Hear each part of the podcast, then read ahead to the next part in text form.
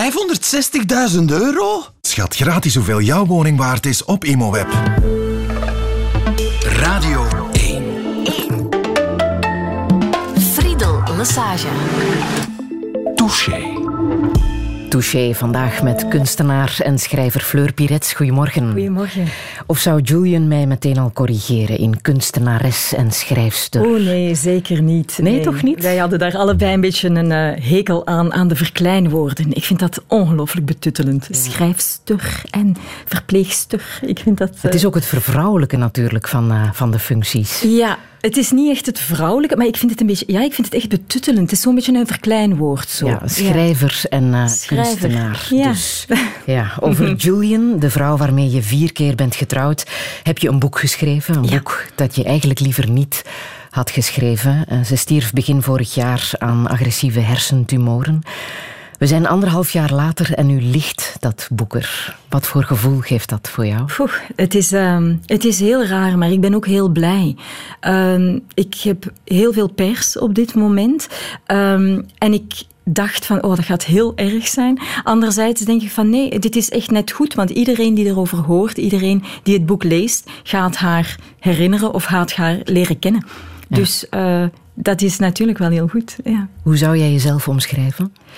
Eh, in transformatie, zou ik zeggen. Ik ben de hele tijd eh, nog aan het uitvinden wie ik ben zonder haar. Want dat is, eh, ja, dat is iets helemaal anders natuurlijk. Je verandert als je partner sterft. Ja, er was een andere fleur voor Julian. Oh, zeker, ja. Zeker een andere fleur tijdens Julian, maar ook een heel andere fleur na Julian. Ik ben zo harder geworden. En ik vind dat niet zo fijn, moet ik zeggen, op dit moment. Ik hoop dat dat nog verandert, dat, dat, terug, dat ik terug die zachte kant krijg.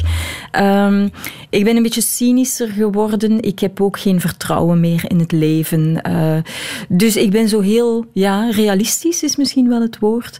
Maar ik heb dat onbevangene niet meer. Ik kon soms ochtends opstaan en denken van, jee, een nieuwe dag. Ehm, en dat heb ik niet meer. En ik vind dat zo jammer. Ja. Julian zelf vond jou eh, heel creatief, Mm. mooi natuurlijk, interessant. Herken je jezelf daarin? Ehm, ik herkende vroegere ik daarin. Eh, nu is het moeilijker. Als ik in de spiegel kijk, zie ik iemand die op een jaar en een half tijd 100 jaar ouder is geworden, uiteraard. Ehm, Ja. Dus ik vind dat het heel hard op mijn gezicht staat. Gelukkig is mijn creativiteit er nog wel. Dus dan sta ik nog elke ochtend op met honderdduizend dingen die ik moet doen en wil doen. En, eh, dus daar had ik ook heel veel schrik voor. Ik dacht, ja, straks is mijn creativiteit ook weg samen met haar. Maar dat is het enige dat ik eigenlijk nog heb overgehouden. Dus daar ben ik wel heel dankbaar voor. Je schrijft ook dat het mooiste cadeau dat je van haar hebt gekregen jouw zelfvertrouwen was. Hoe zit het daarmee? Ja, ik, ehm, ik maakte eigenlijk al heel veel van, van vroeger. Maar ik vond dat nooit goed genoeg. Ehm, toen ik Jeroen... Ik ben getrouwd geweest met schrijver Jeroen Olieslagers, tien jaar. Toen ik Jeroen leerde kennen, was ik eigenlijk mijn tweede boek aan het schrijven. Mijn eerste was niet goed, dus dat gaat ook nooit. Ehm, en wij leerden elkaar kennen en ik ben gewoon gestopt met schrijven, omdat hij was de schrijver. Eh, mijn feministische zelf vindt dat nu echt vreselijk dat ik dat heb gedaan, natuurlijk. Ehm, maar op dat moment was mijn zelfvertrouwen niet, niet groot genoeg. Eh, ik ben toen echt begonnen beginnen werken als journalist hè, voor Jambers. Eh, ik heb toen voor tijdschriften en kranten interviews gedaan. We zijn ons eigen magazine begonnen, waarbij ik kunstenaars ben beginnen interviewen. En Julian zei altijd, jij interviewt eigenlijk mensen zoals jij. Eigenlijk moet jij daar staan. Ehm, en zij is eens beginnen kijken wat ik al allemaal had gedaan ervoor. En zij heeft mij echt zo ongelooflijk gepusht om daarmee verder te gaan. En dat is een ongelooflijk cadeau geweest, want ik ben echt zo mezelf tegengekomen ook. Hè, van, ah ja, oké, misschien is dat inderdaad wel goed genoeg. En hoe klinkt het woord weduwe in jouw oren? Ah, ehm, ik heb dat in het begin heel veel gebruikt eh, om de, de sting eruit te halen, om het zo te zeggen. Ik dacht, oei, als iemand weduwe tegen mij gaat zeggen, ga ik volledig instorten. Dus misschien kan ik mezelf maar beter weduwe eh, noemen, om, om zo de scherpe rand eraf te halen. Ehm, nu is het ongeveer een jaar en een half geleden. Ik zeg het woord niet meer. Ik krijg bijvoorbeeld heel veel vraag om lezingen te doen. En ik wil lezingen doen over positief activisme, maar ik weiger lezingen te doen over rouw. Want ik ga geen professionele weduwe worden. Ik denk, het moment waar ik nu in zit, het risico is heel groot dat ik die kant op ga. Van wat is het om te rouwen? En ik moet dat ook... Uh, ik moet dat, dat, dat, moment niet afsluiten, want uiteraard, zij gaat altijd dood blijven en, en dat gaat altijd bij mij blijven ook. Maar ik hoef geen ja, professionele weduwe te zijn. Mhm. Dus die rouw mag ook wel op een gegeven moment... Ja, ik mag daar op een gegeven moment ook wel stoppen met over babbelen. Mhm. Je bent ook een vrouw met tatoeages, hè? Ja. De mooiste tatoeages die ik ken, trouwens. Dank je wel. Langs alle kanten staan ze, hè? Ja, op mijn rug, op mijn benen. Wat is voor jou de meest betekenisvolle? Ja, de... Uh, de omgekeerde driehoek met Julian en de, uh, de datum waarop we elkaar hebben leren kennen. Ik heb er de omgekeerde zwarte driehoek bij laten zetten, omdat dat uh, tijdens de Tweede Wereldoorlog uh, was het het equivalent eigenlijk van de Jodenster, was de omgekeerde driehoek voor homoseksuelen. Um, dus er zijn ook heel veel homoseksuelen naar de concentratiekampen gegaan en, en verbrand ook, allee, ja, vergast. Um, en later in de jaren zeventig heeft de homobeweging eigenlijk die omgekeerde driehoek reclaimed om mhm. dus te strijden voor mensenrechten. En daarom staat hij op Ik vond dat heel belangrijk om die daarbij te zetten. Hmm. Ja. Jouw levensmotto, staat dat ergens uh, getatoeëerd? Nee, er staat wel een woord, unapologetic. Hè, dat staat daar. Uh, er, is een, er is niet echt een, een vertaling in het Nederlands. Uh, compromisloos ja. komt er het dichtste bij. Um, dat is mijn levenswoord, om het zo te zeggen. Ik heb geen zin meer om compromissen te sluiten of om um, mijn verontschuldigingen aan te bieden voor wat ik denk. Um, want mijn gedachten gaan soms wel heel extreem. Maar uh, ja, het levensmotto is van... Um, is toegeschreven aan Pippi Langkous. Het schijnt dat dat nooit is gezegd door haar, maar dat staat wel overal. En dat is... ik, uh, ik, oh, ik ben het helemaal vergeten. Ga je ik heb het nog nooit gedaan, dus ik denk dat ik het wel kan. Ik kende enkel het laatste nog. Ja. dat is een hele mooie, hè? Dat is prachtig, hè? Ja, ja. Fleur Pirets, welkom in Touché. Dank je wel. Radio 1. 1. Friedel Lassage. Touché.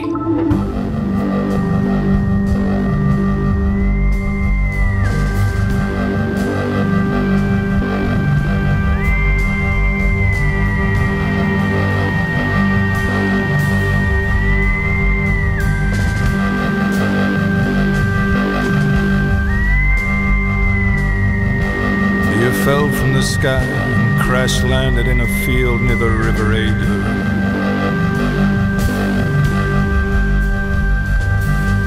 Flowers sprang from the ground, lambs burst from the wombs of their mothers.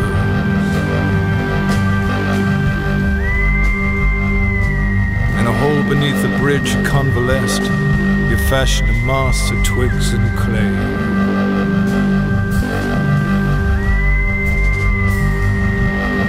You cried beneath the dripping trees, a ghost song lodged in the throat of a mermaid.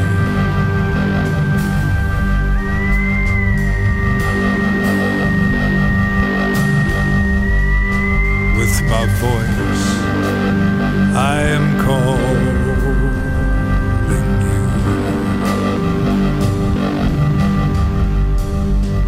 you. You're a young man waking covered in blood that is not yours.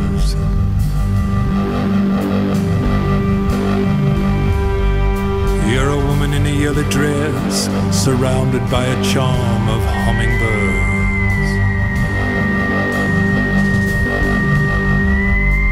You're a young girl full of forbidden energy, flickering in the gloom.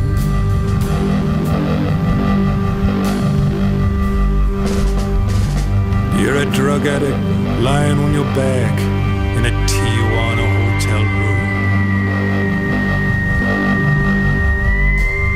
with my voice. I am calling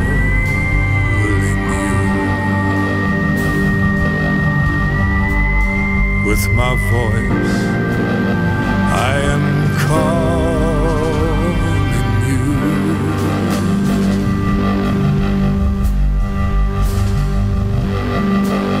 you. You're an African doctor harvesting tear ducts.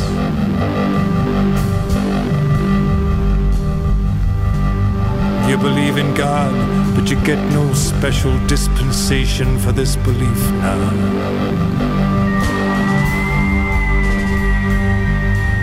You're an old man sitting by the fire. You're the mist rolling off the sea.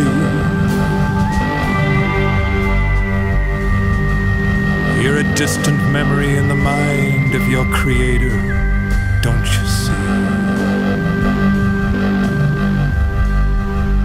my voice, I am calling you.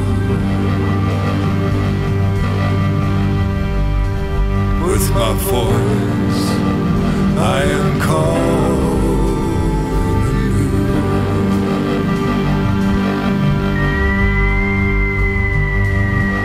Let us sit together until the moment comes. With my voice, I am calling you. With my voice, I am calling you. Jesus Alone, het openingsnummer uit Skeleton Tree van Nick Cave. With my voice, I am calling you. Fleur Piret, je hebt deze zin ook eh, als openingszin van jouw boek gebruikt. Hè? Ja. Omdat die een bijzondere betekenis heeft voor jou. Ja, ik blijf Nick Cave de hele tijd tegenkomen sinds eh, Julian is gestorven. Ehm, Inge Vervotte heeft mij de dvd gegeven, One More Time With Feeling, waarin hij eigenlijk door het maken van de Skeleton Tree eh, de dood verwerkt van zijn zoon. Ehm, en die plaat is mijn rouwplaat geworden. Ik heb daar eh, in New York eh, kilometers eh, mee afgelegd met in mijn koptelefoon. En zijn stem is heel... ja, dat was een stem die ik heel goed kon verdragen. Je bent ook naar zijn conversations geweest, hè? want hij praat Ja. met zijn publiek. Hij is op tournee Ja. met zijn conversations. En je hebt ook een vraag gesteld. Ik mocht een vraag stellen. Dat vond ik ongelooflijk, want iedereen wou daar een vraag stellen. Nee, hij had, in een interview had hij gezegd over zijn zoon: You have to will them into existence. Dus je moet met uw wil moet je hen terug tot leven wekken. Ehm, en die zin had zich echt zo met klauwtjes in mijn hoofd vastgezet. En ik wou hem echt vragen van hoe dan? Want ik zit als een nitwit in het midden van mijn kamer te praten tegen haar, maar ze is er niet. Allee, natuurlijk zijn heel veel mensen die zeggen, oh, ze is er nog en dit en dat. En dan denk ik, hoe triestig zou het zijn mocht ze hier effectief nog zijn. Maar ik zeg de hele tijd dat het niet zo is. Dus ik doe wel pogingen, maar ze blijft er niet zijn. Dus ik heb echt- aan hem gevraagd van, ja, hoe doe je dit? Allee. En hij zei toen, eh, doe alsof. Hij zegt, het is gelijk met geloven in God. Dat, mensen weten dat ook niet zeker. Zegt hij, jij weet niet zeker of zij hier nog is. Zegt hij, ik moet voor mijzelf doen alsof dat mijn zoon hier nog is, want anders overleef ik dat niet. En lukt dat? Doen alsof ze Nee, er is. nee. Ik heb een te analytisch brein daarvoor. Ik kan dat niet. Ehm, en dat vind ik wel jammer. Ik wou dat ik dat kon. Ja. Nu, het boek is er. Het boek is er, dus ze is er eigenlijk op papier. Ja, ze is Ja. er toch op een of andere manier Ja. tastbaar En bij. in het hoofd van mensen nu Ja, natuurlijk. ja. hè. Ja. Je schrijft in het boek hoe het verhaal tussen jullie is eh, begonnen. Hè? Op 9 Ja. december 2010 in Amsterdam. Een datum die ook op jouw arm staat eh, Ja. getatoeëerd. Hoe wist je bij die eerste ontmoeting dat zij jouw grote liefde zou worden? Dat was heel raar. Dat was ja, liefde op het eerste gezicht. Hoe verklaar je dat? Hè? Ja. dat ehm, ik zag haar en ik dacht, ja, dat is de mens met wie ik hele grote dingen ging doen. En ik zag haar van heel ver. Dus ik wist zelfs niet dat het een meisje was. Ehm, dus het is pas als ze dichter kwam dat ik effectief zag van, oh, dat is een meisje. Ik heb mij daar ook helemaal geen vragen bij gesteld op dat moment. Ehm, en ik denk wat het zo intens maakte, was ook, we konden we zouden heel veel problemen hebben kunnen verzinnen. Eh, zij was constant in het buitenland, want zij werkte als hydrograaf. Zij bracht de zeebodem in kaart. Ehm, ik, zij woonde in Amsterdam, ik woonde in Antwerpen. Het was een meisje, ik kwam uit een huwelijk met een man. Honderdduizend nee's hadden we kunnen hebben. En we hebben bij geen enkele daarvan stilgestaan. We hebben gewoon allebei 100% ja gezegd op datzelfde moment. Ehm, dus dat was een soort klik die wij hadden en, en waar we gewoon 100% het first voor gegaan zijn. Ja. Ze was op dat moment ook nog niet Julian. Ze heette Ja, ze Pauline. heette Pauline. Ja, ehm, een naam die ze ongelooflijk haatte. En elke keer als iemand haar naam vroeg, kwam het met een pauze eruit. Ehm, en ik weet nog, wij zaten bij uh, mijn beste vriendin Renate Breuer. Wij zaten aan de tafel te eten. En uh, op een gegeven moment zegt zij... Goh, die naam, hè? En ik zeg tegen haar van, ja, maar hoe zou je dan willen heten? Allee, ze zei, ja, Julian, dat heb ik altijd zo mooi gevonden. En Renate en ik zeiden allebei, ja, maar dan doe je dat toch? Verandert uw naam en vanaf nu gaan wij nooit meer Paulien tegen u zeggen. Mm. Dat was heel schattig, want zij zei van, oeh ja, eigenlijk kan dat wel. Hè? Maar er was ook nog iemand anders, Jim. Dat was ook Julian. Dat was een derde personage. Ja. dus zij was uh, een onderdeel van de Amsterdamse drag uh, troupe The House of Hopeless. Dus dat was een groep uh, drag queens die zich inzetten voor LGBT-rechten in Nederland. En zij verkleden zich als jongen, dus als drag king, als onderdeel van die groep. En dat was Jim. En hoe was dat voor jou als, uh, als Jim de deur uitging? God, dat was heel grappig, want als Jim was dat een jongetje van 16. Alia, dat was echt zo'n boefje. Um, en als Julian was zij heel... Uh, volwassen en serieus en wetenschappelijk en ook een beetje een nerd. Um, dat waren echt bijna twee persoonlijkheden. Dat was echt... Uh, dus ik had het eigenlijk allemaal. Ja. ja. Jullie waren nog niet zo heel lang samen toen jullie al beslisten om uh, te trouwen, hè? Ja. Trouwen in Antwerpen. Ja. Omdat het kon. Omdat het kon, ja. Um, en daar was een groot feest. Jullie hebben dat gevierd in Frankrijk met, uh, met de vrienden. Maar toen kwam ook het idee om daar een kunstenaarsproject uh, van ja. te maken. Het project 22, 22. Omdat je op dat moment, toen jullie dat idee hadden, in 22 uh, landen ook effectief als homokoppel ja. kon trouwen. Um, jullie hadden het plan om op tournee te trekken. En in die landen effectief ook te trouwen. Te beginnen in, in New York. Een huwelijk dat daar slechts drie minuten duurde maar waar je wel maanden voorbereiding voor ja, uh, hebt ja, gehad. Ja. Um, hoe moeilijk was dat om, om, om zoiets te organiseren? Dat was zot. Um, mensen kunnen moeilijk uh, buiten de regels denken, heb ik gemerkt. Wij hebben honderd keer moeten uitleggen dat het voor een kunstproject was en dat het dus effectief ook symbolisch was, want anders moesten wij 22 keer scheiden natuurlijk. Mm -hmm. Dus het enige dat wij nodig hadden was voor onze documentaire, was een, een official, een officiële ambtenaar van de stad, die op de officiële trouwplek van de stad deed alsof we gingen trouwen.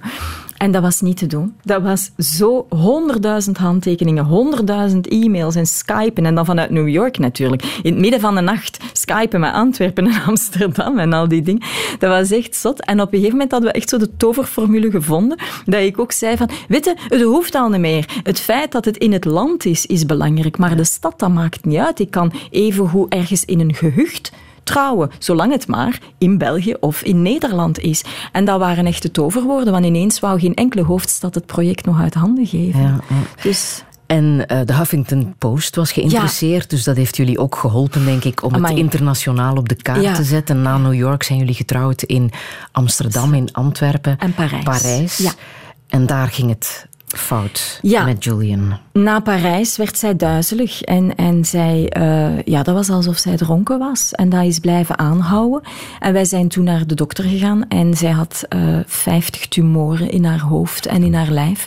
En toen zeiden ze van ja, ze heeft nog drie maanden te leven en uh, zes weken later was zij dood. Hoe was haar eerste reactie toen ze die diagnose kreeg? Wat nu met jou? Hm. Ja, dat was typisch zij, hè? kijken um, hoe het met ander. mij is. Ja. ja. zij zei van, hoe ga jij hiermee omgaan? En ik zei, ja, maar daar gaat het niet om. Hè. Het gaat even nu wel over jou, want ik had heel veel schrik om iets fout te doen. Hè. Um, wat doe je als de liefde van je leven nog maar drie maanden, maar dan blijkbaar zes weken heeft. Zij is ook ongelooflijk snel afgetakeld. Hè. Um, na die diagnose, een paar dagen later, waren er al hele stukken die, waar zij gewoon weg was. Mm-hmm. Um, een week later kon zij haar armen en benen niet meer bewegen. Drie weken later was zij haar taal kwijt. Um, Alia, die is echt gigantisch afgetakeld. Mhm. Dus ja... Je hebt heel veel gelezen hè, over wat je kan doen voor iemand die gaat sterven. Wat ja. het beste is. Wat, wat is eigenlijk het beste als je in zo'n uh, ja. zo'n hallucinante rollercoaster zit? Praten was uh, Ook als zij jou niet meer Ja. hoort of begrijpt. Ja, dus van het moment dat ik ook maar enigszins zag dat zij wakker aan het worden was, begon ik te praten. Dus voorlezen, babbelen over wat we allemaal hadden gedaan, eh, wat ik nog ging doen, wat ik wou haar geruststellen. Want elke keer als ik zag dat het inzonk bij haar, dat ze mij ging achterlaten, zag ik een ongelooflijke paniek. Ehm, dus heb ik gezegd dat het oké was. En ja, je blijft de hele, hele tijd praten. En s'nachts heb ik gelezen. Ehm, wat ik ook gedaan, ik heb er geen seconde meer uit het oog verloren. Ik ging alleen nog maar naar het toilet. Ja. En dat was het. Ehm, Vragen stellen, kan je dat? Nee, zij kon niet meer antwoorden. En het frustreerde heel hard dat ze niet meer kon antwoorden. Dus dat was natuurlijk het griezelige ook. Je moet alles, alles zelf invullen. Wat natuurlijk achteraf ook heel veel ruimte geeft voor schuldgevoel. Want ik denk ook de hele tijd, bedoelde ze dit wel? En heb ik dit wel? Misschien wou ze wel iets anders, maar ja, ze kon het niet zeggen. Dus ik heb de hele tijd moeten raden naar wat zij wou. En ja, dat is zo'n onmacht. Voelde je ook echt de laatste uren, de laatste minuten? Voelde je dat aankomen? Ja, ehm, dat had ik natuurlijk ook gelezen, hoe iemand eh, met hersentumoren sterft. Dus dat is echt ehm, twee dagen ervoor, en dat was echt letterlijk tekstboek. Twee dagen ervoor begint die te friemelen in bed, zo proberen draaien, maar dat lukt niet, want ja, de, de Onrust. functies zijn allemaal Ja. weg. Ongelooflijke onrust. Dan heel zware koorts en dan een moeilijke ademhaling. En dat is gewoon zo gegaan. Dus haar ademhaling ging naar beneden, dus ik wist van, ja, Ze is met een hele mooie zin gegaan. Hè? oh, ongelooflijk hè. Ze heeft toch de helderheid gehad om nog iets heel moois tegen jou te zeggen. Een halve helderheid dan. Hè. Ja, ik, had haar, ehm, ik heb haar toontelligen voorgelezen. Misschien wisten zij alles. Hè. Dus een Prachtige fabels van reeks uit Telgen, hè, kort, korte fabels over de olifant die met de eekhoorn eh, taart eet voor zijn verjaardag en al die dingen. Dus dat is zo mooi. Dat heb ik haar voorgelezen, zes weken lang ook. En het laatste dat ze gezegd heeft is: Jij bent de allerbeste eekhoorn die er is. Dus dat zin. is, ja, dat is het mooiste Ja, dat er is, toch? ja. Allee, ja. ja. Give me time to realize my crime. Let me love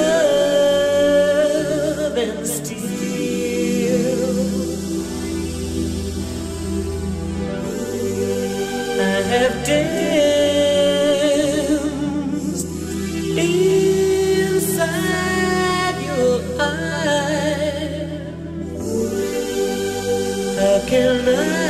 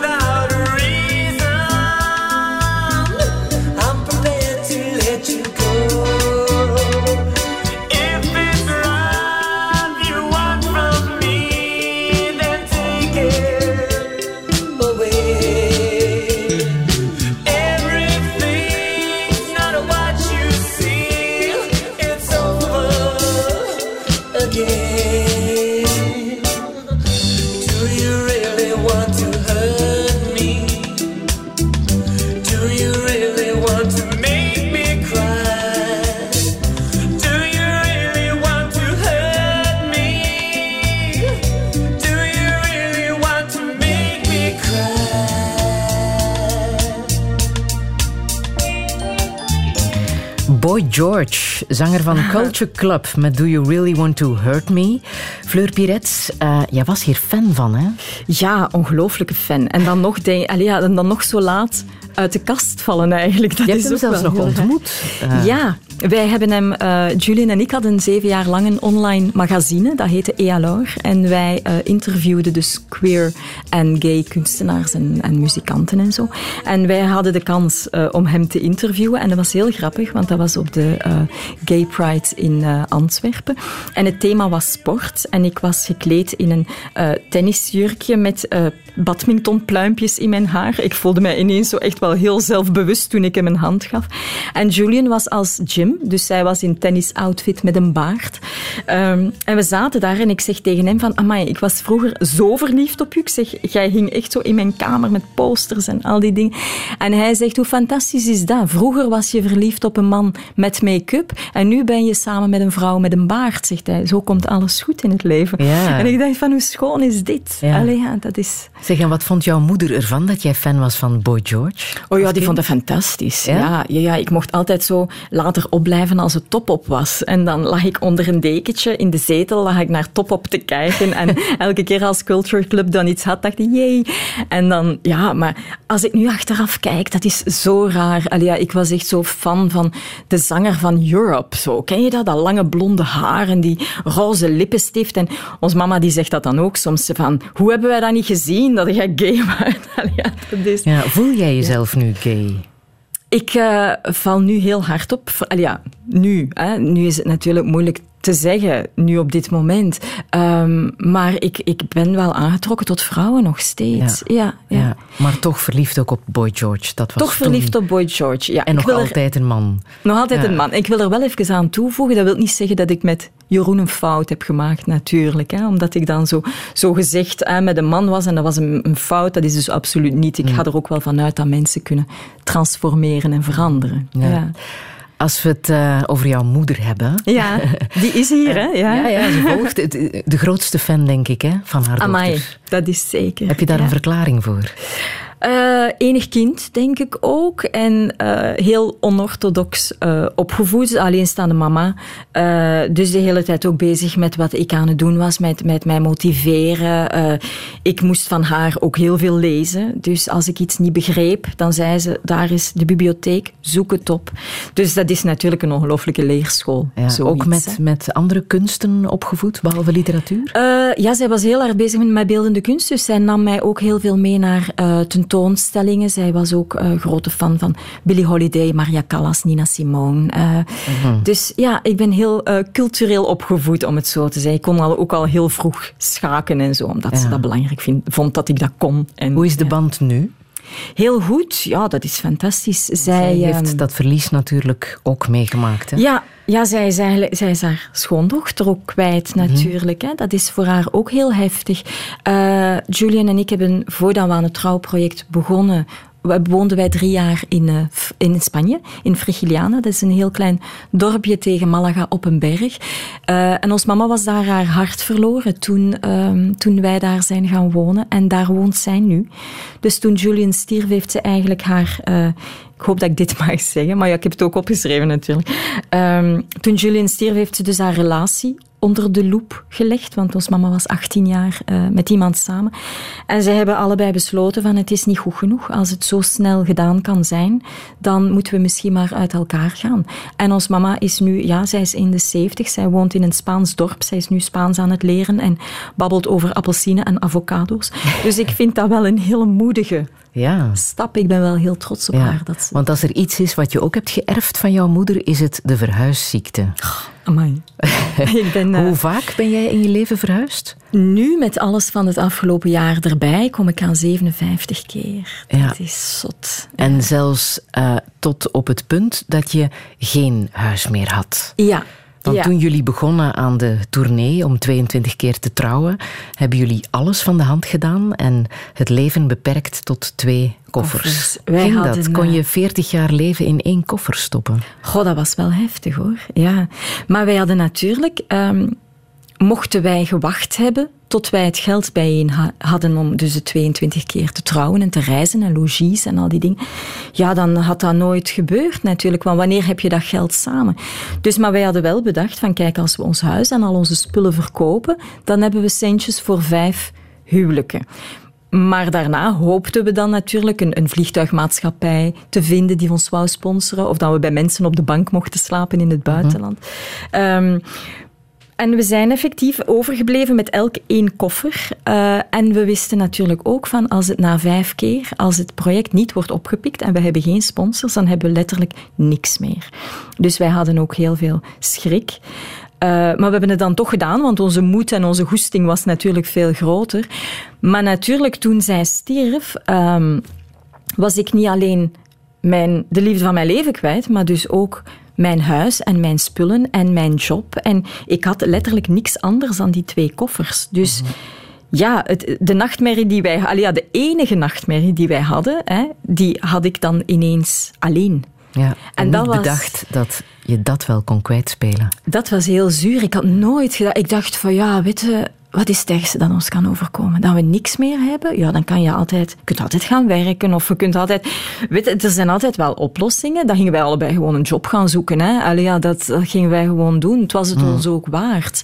Ehm, maar ik had nooit gedacht dat ik haar kon verliezen, natuurlijk. Allee, Heb ja, je nu een dak boven je hoofd? ik heb sinds 1 april, eh, haha, hè, ehm, een, een dak boven mijn hoofd. Ik, ik ben aan het co-housen want, eh, met, eh, met iemand die ook een kamer zocht. Eh, dus het is een groot appartement. En ehm, dat is fijn, maar dat is ook omdat ik nog altijd niet klaar ben om mij ergens te vestigen en omdat ik ook nog altijd niet weet waar ik wil zijn. Dus co-housen is een goede oplossing, want dan moet ik niet zelf zo het, het commitment aangaan om een contract te tekenen en al, Ja. dat zou ik nog niet kunnen. Ja.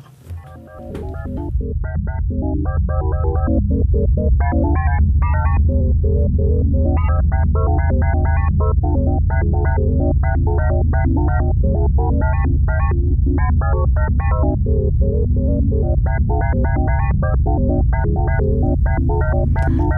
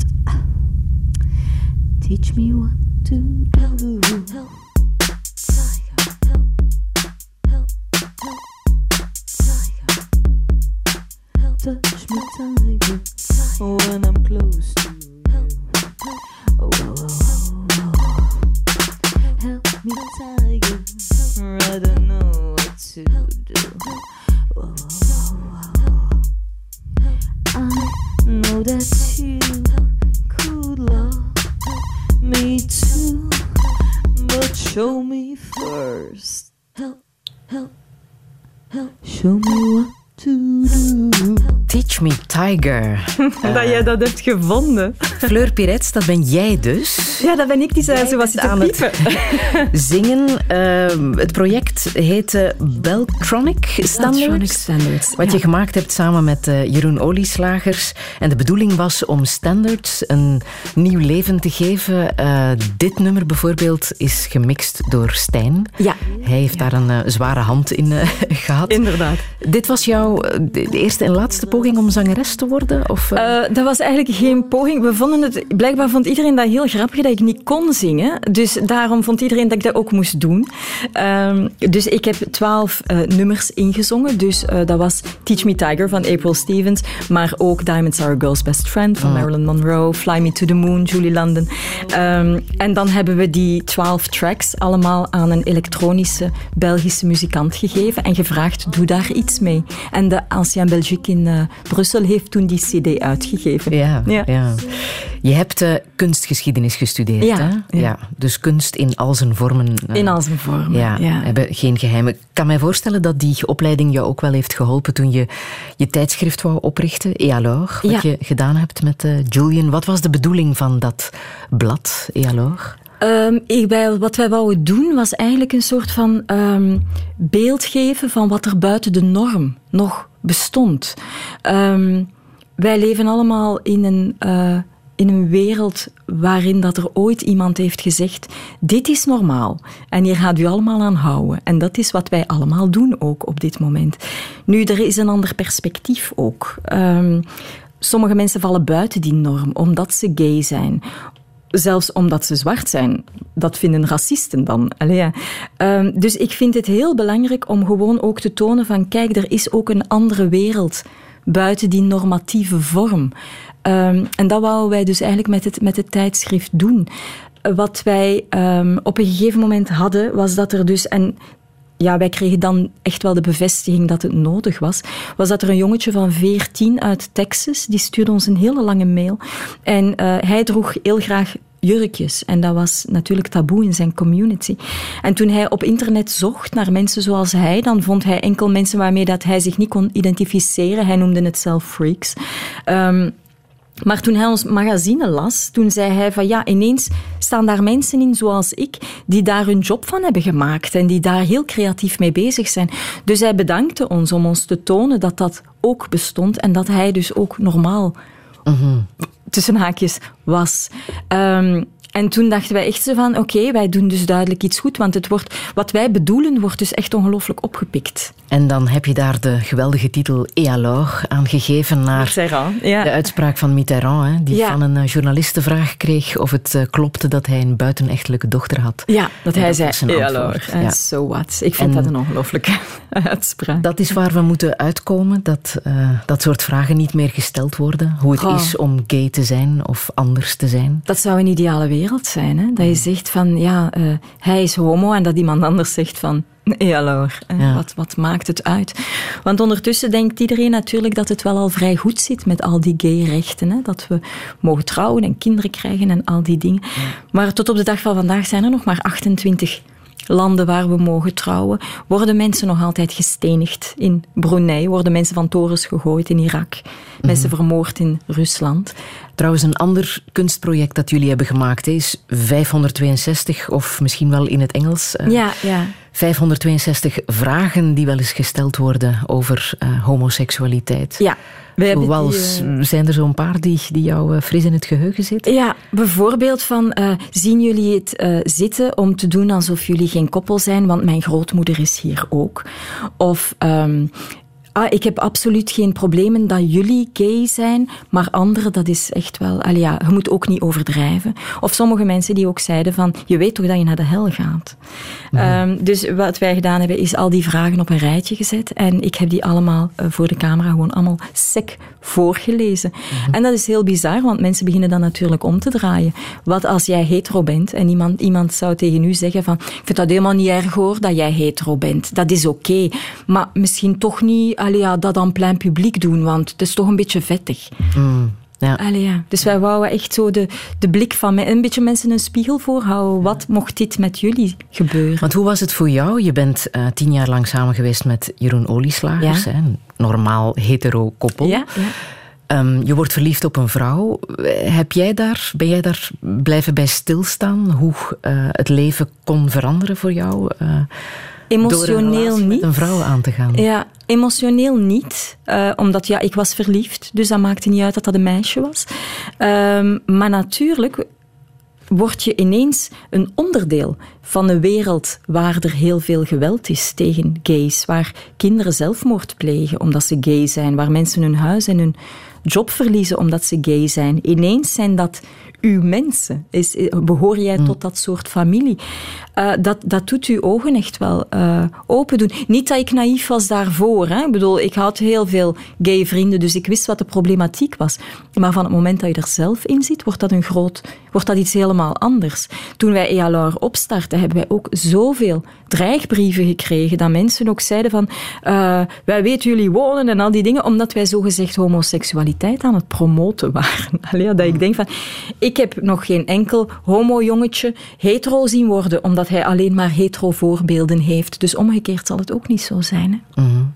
Hoe anders is het voor jou uh, geweest om een relatie met een vrouw te hebben? Ja, weet je, ik ben een researcher natuurlijk. Hè. Ik ben beginnen zoeken hè, van ja? wat is. Ik ben beginnen lezen over uh, gender en over uh, lesbisch zijn en over gay en al die toestanden. Ik moet dan ja, 100% weten wat een ander daar dan mee doet.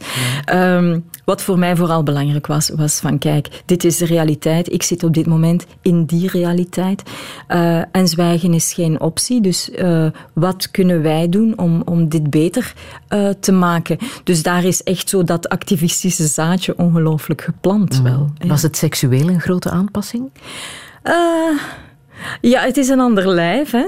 Het is een ander lijf, maar ook daar hadden we dezelfde symbiose als toen we elkaar voor de eerste keer zagen. Dus dat was wel een chance. Ja. ja. Het is wel iets wat jou fascineert, hè? Seksualiteit in relaties. Ja, omdat dat is ook wat, wat u samenhoudt. Hè? Dat, is, dat is eten en drinken. Hè? Um, ik, ik merk dat ook, dat... dat um, toen, toen zij stierf ook, Hans, mijn, uh, ja, uw lijf valt weg. Hè? Je gaat echt puur in uw hoofd zitten.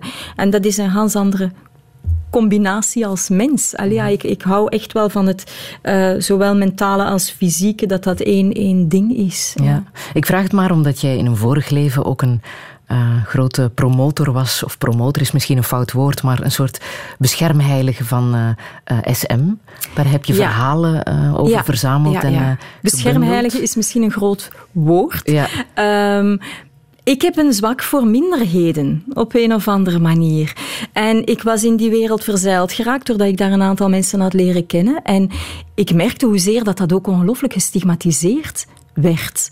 Um, en dan kwam ineens die film van de SM-rechter uit, waar ik compleet door gechoqueerd was, dat die mens dus echt daardoor zijn job is verloren. En ja, dan, dan begin ik te doen wat ik uh, het beste kan. Hè. Opzoeken, mensen samenbrengen, schrijven en denken van, kunnen wij een boekje uitbrengen met verhalen daarover? Mm -hmm, ja. Om mensen te informeren. Ja, gewoon om te zeggen van, kijk, dit is misschien ook normaal. Weer over normaliteit, hè. Mm -hmm. Ja.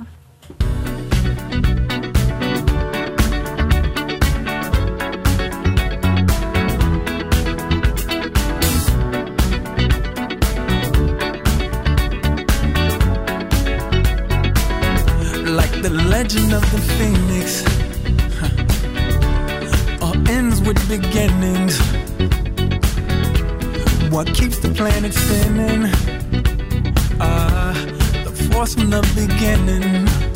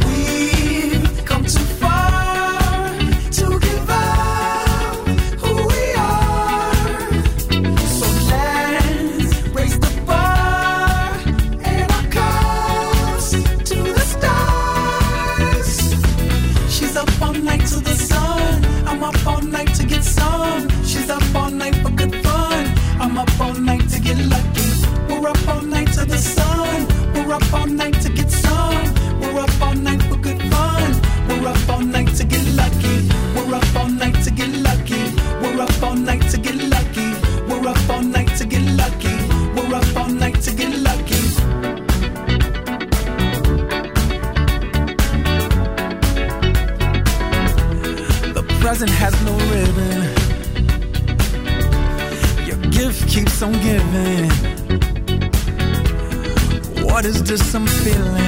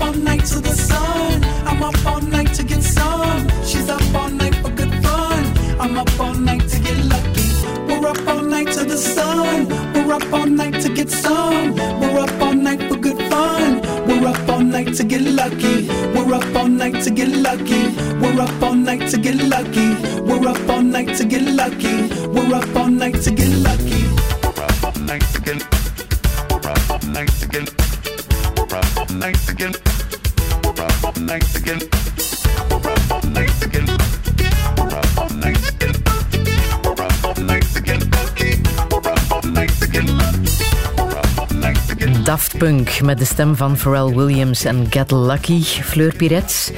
Het is een, eh, een bijzonder nummer voor jou, hè? Een vrolijk Ja. nummer. Een heel vrolijk nummer. Ik word er nog altijd vrolijk van. Ja. Dat is Julian, eh, een van haar favoriete nummers. En ehm, toen wij naar eh, Spanje verhuisden, wouden we, wisten we niet echt waar we wouden wonen.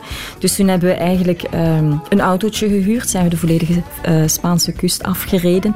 eh, in, een, in een rood Fiatje. Dus dat was echt zo als een reuze rode M&M. Reden we zo de bergen op en af. Ehm, en dat nummer was eh, toen constant, echt elke half uur op de radio. Dus ja. Ik kan er mij iets bij voorstellen. Het was een heel grappige reis. Op deze manier op Ja. zoek naar een huis in Ja. Spanje. Get Lucky, wanneer ben jij het gelukkigst? Eh, op dit moment, eh, de nieuwe Fleur is het gelukkigst eh, als ze kan werken. Eh, ik merk dat als ik over mijn werk praat, als ik lezingen geef hè, over positief activisme, dan voel ik dat vuur zo gigantisch vanuit mijn buik naar boven komen, ehm, dat ik bijna iets voel dat weer geluk kan zijn. Eh, maar ik vind het echt wel enkel in werken. Ja. Eh, dus ik, nee, ja, ik zeg eigenlijk heel veel ja op eh, dingen die mij gevraagd worden om, om te praten en. en, en Je hebt de vraag ook aan Julian gesteld, hè, wanneer zij het gelukkigst was. Ja, ja. Ja. ook een antwoord, hè? zat ook een antwoord. Ehm, wij zijn op een gegeven moment waren wij in New York en eh, wij hebben toen eh, A Christmas Carol van de Muppet Show gezien in de Roxy eh, Cinema en dat was ja, op kerstavond. En dan terwijl het aan het sneeuwen was door Bryant Park en chocolademelk drinken naast de grote kerstboom. Dus echt elk cliché op een hoopje, echt waar. Kerstverlichting en maar dat kaarsjes. was zo fijn. Ja. Dat was echt zo fijn. Ja. New York is ook wel een stad met een betekenis geworden voor jou, hè? Ja, ik ben daar zo graag. De laatste keer dat ik er was, um, ik stap van dat vliegtuig en ik kan terug ademen op een of andere manier. Dat is daar heel groot en heel open. En uh, het was heel fijn ook om daar te starten. Wij wouden per se ons trouwproject daar starten, omdat wat het een beetje is in, in uh, België, je bent heel snel megalomaan. Uh, toen wij aan mensen ons project hier uitlegden, hoorden wij van, ja, ja, dat zal wel. Hè? Dat is wel heel raar hoor. En al die toestanden. Zeg je dat in New York, dan zegt iedereen, oh wauw, dat is fantastisch. Dus wij moesten echt ook met die energie starten, omdat wij ook wel wat schrik hadden natuurlijk. Dus wij moesten ons op de best mogelijke plaats zetten. Maar toch, toen je terugging naar New York, na de dood van Julian... Ja. Heb je um, de eenzaamheid ervaren? Amai, als er één plek is waar dat uit het raam zou springen, is het daar natuurlijk. Hè. Wat was dat dan? Wat voor gevoel gaf dat dan? Uh, ja, eenzaamheid. Dat is waarschijnlijk, ik weet niet hoe dat, dat komt. Dat is misschien omdat er daar zo een bruisende energie hangt, omdat er zoveel volk is. En als jij droevig bent, is dat alsof dat jij daar zo rondloopt in een kokonnetje of zo, zo met een stolp over u. En het, het, is, het is een soort gevoel. Um, eenzaamheid is ook iets heel raar. Hè? Ik, ik wenste soms dat ik het zou kunnen pakken en naartoe zou kunnen kijken van wat is dat nu? Um. En zoveel mensen zijn eenzaam. Kon je dat herkennen? Kon je dat zien ja. aan mensen? Ja, Joan Didion heeft het ooit uh, omschreven als iemand die uit een donkere kamer terug in het licht komt. De blik die je dan op je gezicht hebt, zegt ze, dat is de blik van weduwen, van de, de blik van mensen die eenzaam zijn. Ja. Um, Wat jou heel erg troostte in New York was het uh, gaan kijken naar schoonheid. Hè? Tentoonstellingen ja. doen. Kunst, hè? Kunst ja, kijken. Dat is... Ja. ja dat is uh, dat kan mij zo gigantisch inspireren. Ik vind dat zo onwaarschijnlijk wat mensen kunnen doen. Wat heeft jou daar toen het meeste getroost? Ik denk, uh, dat was een tentoonstelling van Carol Walker. Dat is een uh, zwarte kunstenares die eigenlijk in haar werk de um, slavernij uh, bevraagt. En dat werk, ja, dat, dat breekt mijn hart elke keer als ik dat zie. Dat is heel straf. Ja. qua herkenbaarheid ook? Of, of, eh? Nee, ehm, ik ben al over het moment heen dat kunst voor mij mooi moet zijn. Ehm, mooie kunst vind ik wat het is, mooi. Eh, maar na een tijdje gaat mij dat heel fel vervelen. Eh, ik hou van kunst met een missie, uiteraard. Hè. Carrie James Marshall, Kara Walker, Ai Weiwei, eh Abramovic. Het zijn allemaal mensen die echt een missie hebben, die ook voor mensenrechten strijden en zo. Ehm, dat is, ja, daar word ik heel, heel blij van. ja, het mag een beetje schuren. Oeh ja. Ja. Ja, ik denk ook als je kijkt naar de geschiedenis. eh, ik vind als je een maatschappij wil begrijpen, kijk naar wat de kunstenaars deden. Zij waren de mensen die de juiste vragen stelden. Niet noodzakelijk de juiste antwoorden gaven, hè, maar ze stelden wel de juiste vragen. bezig zijn en jou laten prikkelen, dat is, eh, voel Ja. ik toch in jouw betoog, hetgene wat jou getroost heeft. Maar ook meditatie. Hè? Je hebt ook wel wat gehad aan, Ja. eh, aan eh, meditatie. Wij hebben vijf jaar geleden, ja ondertussen zes jaar, zijn wij transcendentale meditatie gaan volgen. Ehm, ja, en dat heeft mijn leven veranderd. Ik Ja? was echt zo'n stresskonijn, dat was echt niet te doen. En dat kan mij echt helemaal... eh, ik merk het nu ook, nu zit ik natuurlijk in een hele drukke periode, dus als ik het ochtends oversla, dan ben ik ze- veel zenuwachtiger overdag. Dus je doet het elke Ja, ochtend. elke ochtend, ja. Wat doe je dan precies? Je gaat gewoon zitten en je hebt een mantra gekregen van uw leraar. Dat is een woord, dat heeft geen betekenis. Dat is gewoon een woord waar elke keer als uw, a- adem, uw ademhaling anders gaat of uw aandacht gaat weg, dan pak je terug dat woord en dan kom je terug bij jezelf. Dus een beetje een klinkt dat, dat? je moet... Eh, Het is een geheim natuurlijk. Hè? Ah, Ah, iedereen krijgt een geheim woord. hè. Ja. Fleur, ik heb nog eh, muziek uit de film Inception. Ja. Die film van eh, de regisseur Christopher Nolan met eh, Leonardo DiCaprio en Marion Cotillard. Ja. Waarom heeft die film jou zo, zo geraakt? Wat als het allemaal een illusie is waarin wij zitten? Ja, dat is iets dat mij ongelooflijk bezighoudt. Ik heb een heel rare ervaring gehad toen Julian stierf. Ik voelde mij bijna in een andere dimensie schuiven. Eh, dat was heel raar. En op dat moment ehm, was zij, zij was voor zij, voor zij eh, gediagnosticeerd werd, was zij boeken aan het lezen over parallele universums en al die toestanden. En ik, achteraf heb ik daar, ben ik daar heel hard mee bezig geweest. Dacht ik van, wat doe ik fout? Misschien zit ik wel in een verkeerde dimensie en heb ik mijn vrouw laten sterven. Misschien is er wel een dimensie waar zij nog leeft en hoe moet ik daar naartoe? Ja, je bent ook goed in jezelf zot maken hè, als dit allemaal gebeurt. En Inception is daar natuurlijk een heel goed voorbeeld van, hè? Van, van wat als het allemaal niet waar is? Welke laag van uw bewustzijn is waarheid en de welke niet?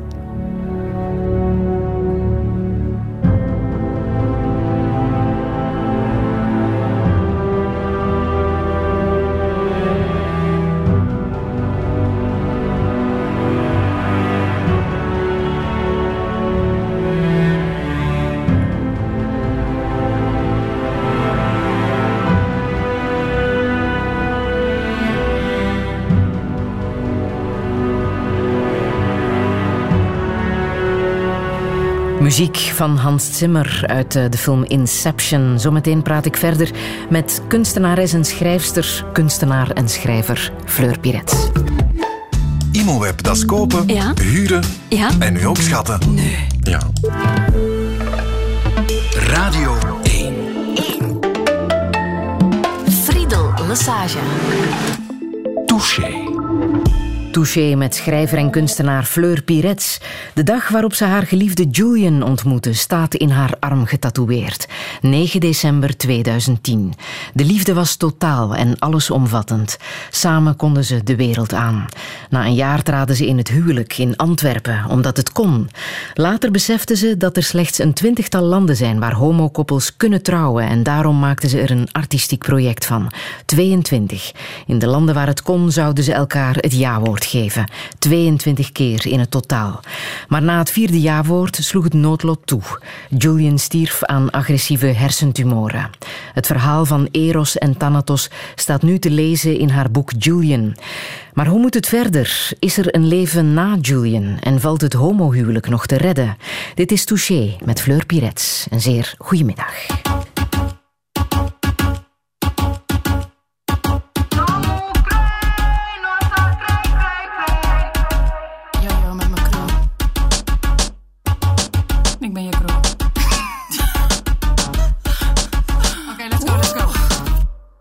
Zonder Trobby. Een ander woord voor oester is lobby. Vissen is mijn hobby. Een vissa is een feestje zonder kokkie. Knip heet uit mijn leven, noem het scharen.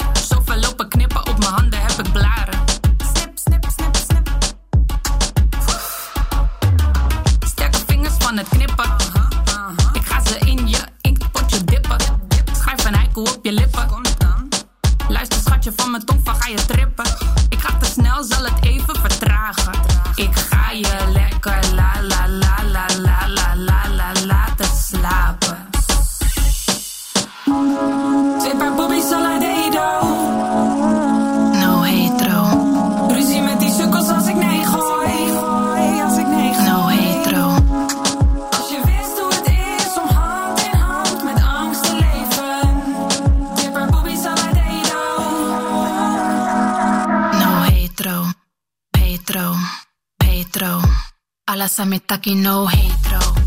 Petro, Petro, Petro, Petro, Petro, Petro. Alasame one no hate. Petro, Petro, Petro, Petro, Petro. Alasame taqui.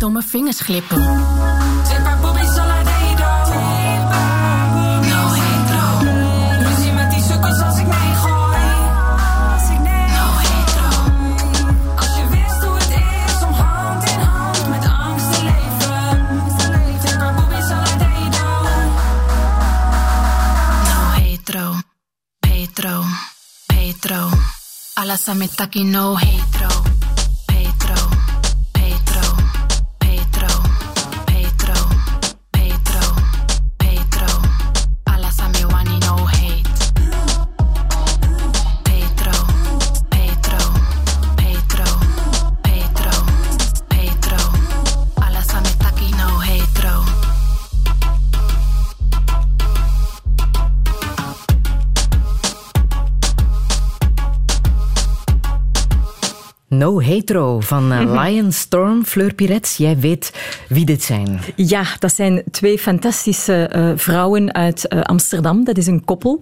En ehm, ik vond het wel grappig, want ik las onlangs dat er, 100, dat er 85 eh, Nederlandse rappers zijn, waarvan maar vier vrouwen. En niemand die gay is. Zo gezegd. Hè.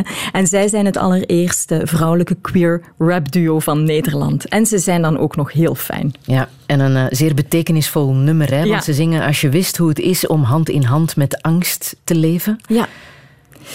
Ja, dat... Jij weet ook eh, wat dat is? Ik weet ook wat dat is, want toen wij eh ELR begonnen, hebben wij dus heel veel haatmail gekregen. Eh, mensen die echt zeiden dat wij homoseksualiteit promoten. Ehm, dat werd erger met het trouwproject. Toen kregen wij echt doodsbedreigingen.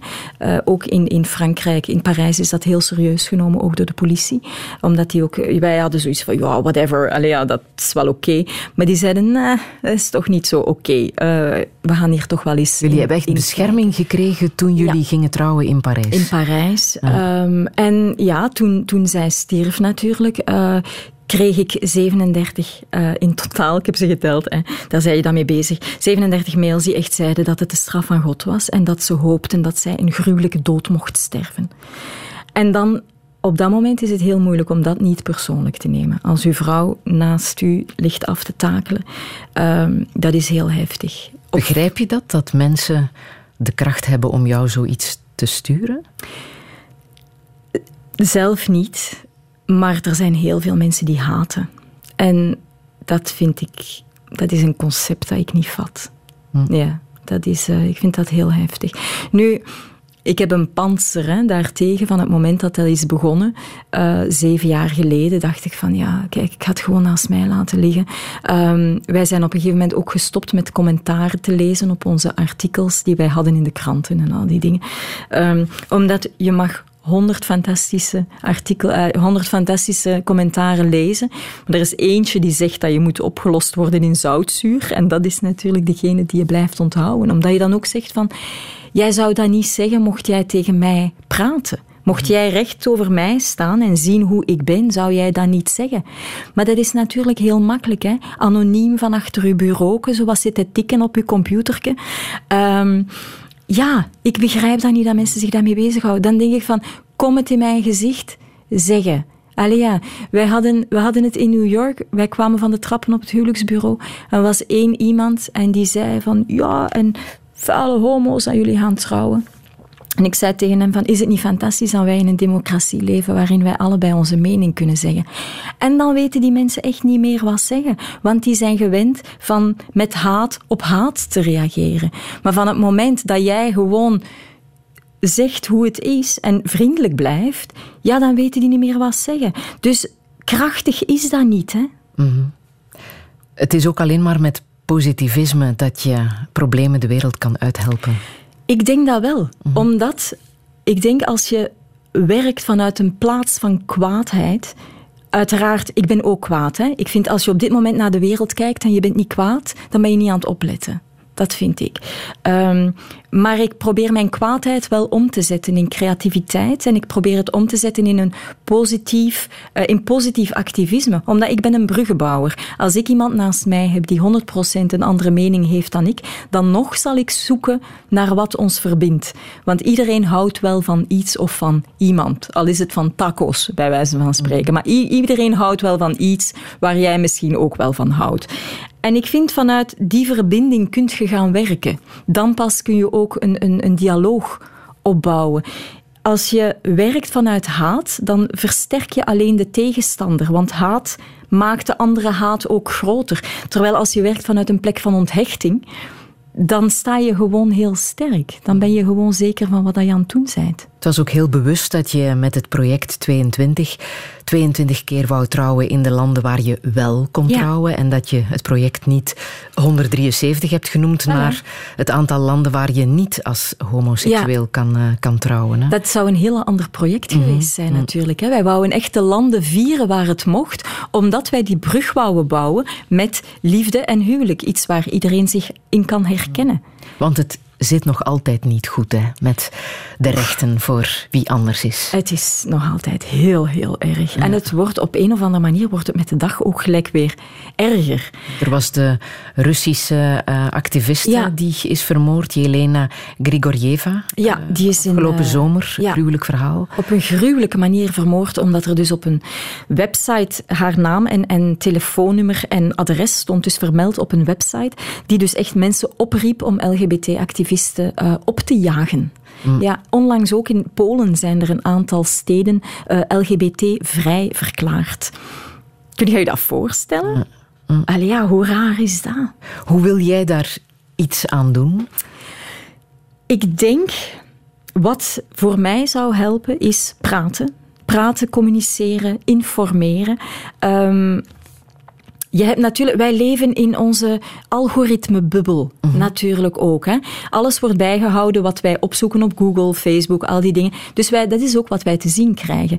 Die gruwelijke gay dingen, die krijgen mensen natuurlijk niet te zien, omdat ze daar ook niet op zoeken.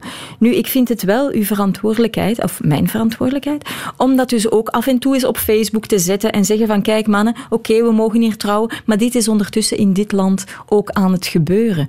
Ehm, maar niet alleen van ver. Hè. Eh, we hebben nu, ja, ik, ik heb dat ook nu onlangs al een paar keer gezegd. Eh, in de Verenigde Staten is er, zijn er 1,8 miljoen eh, jongeren per jaar tussen de 14 en de 23 die zelfmoord overwegen.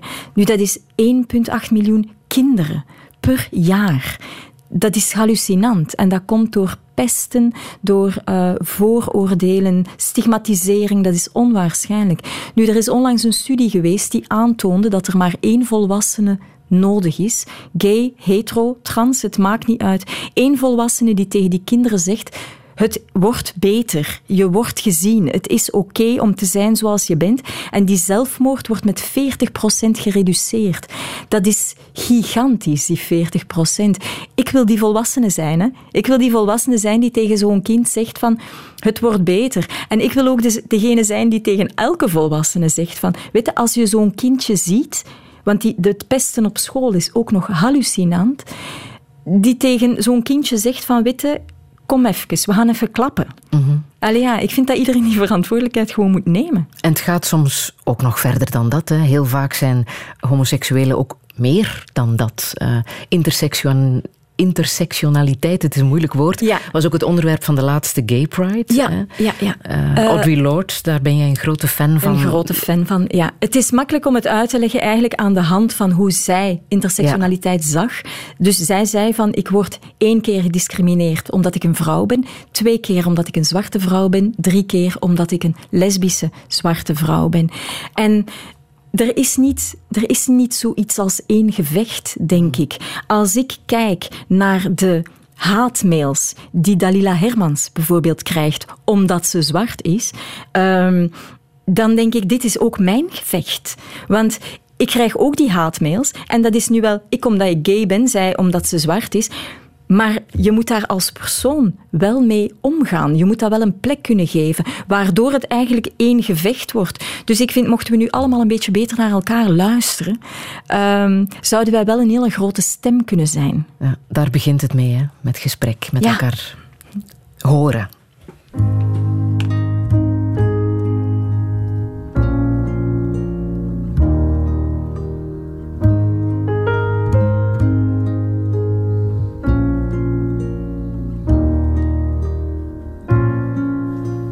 First time ever I saw your face.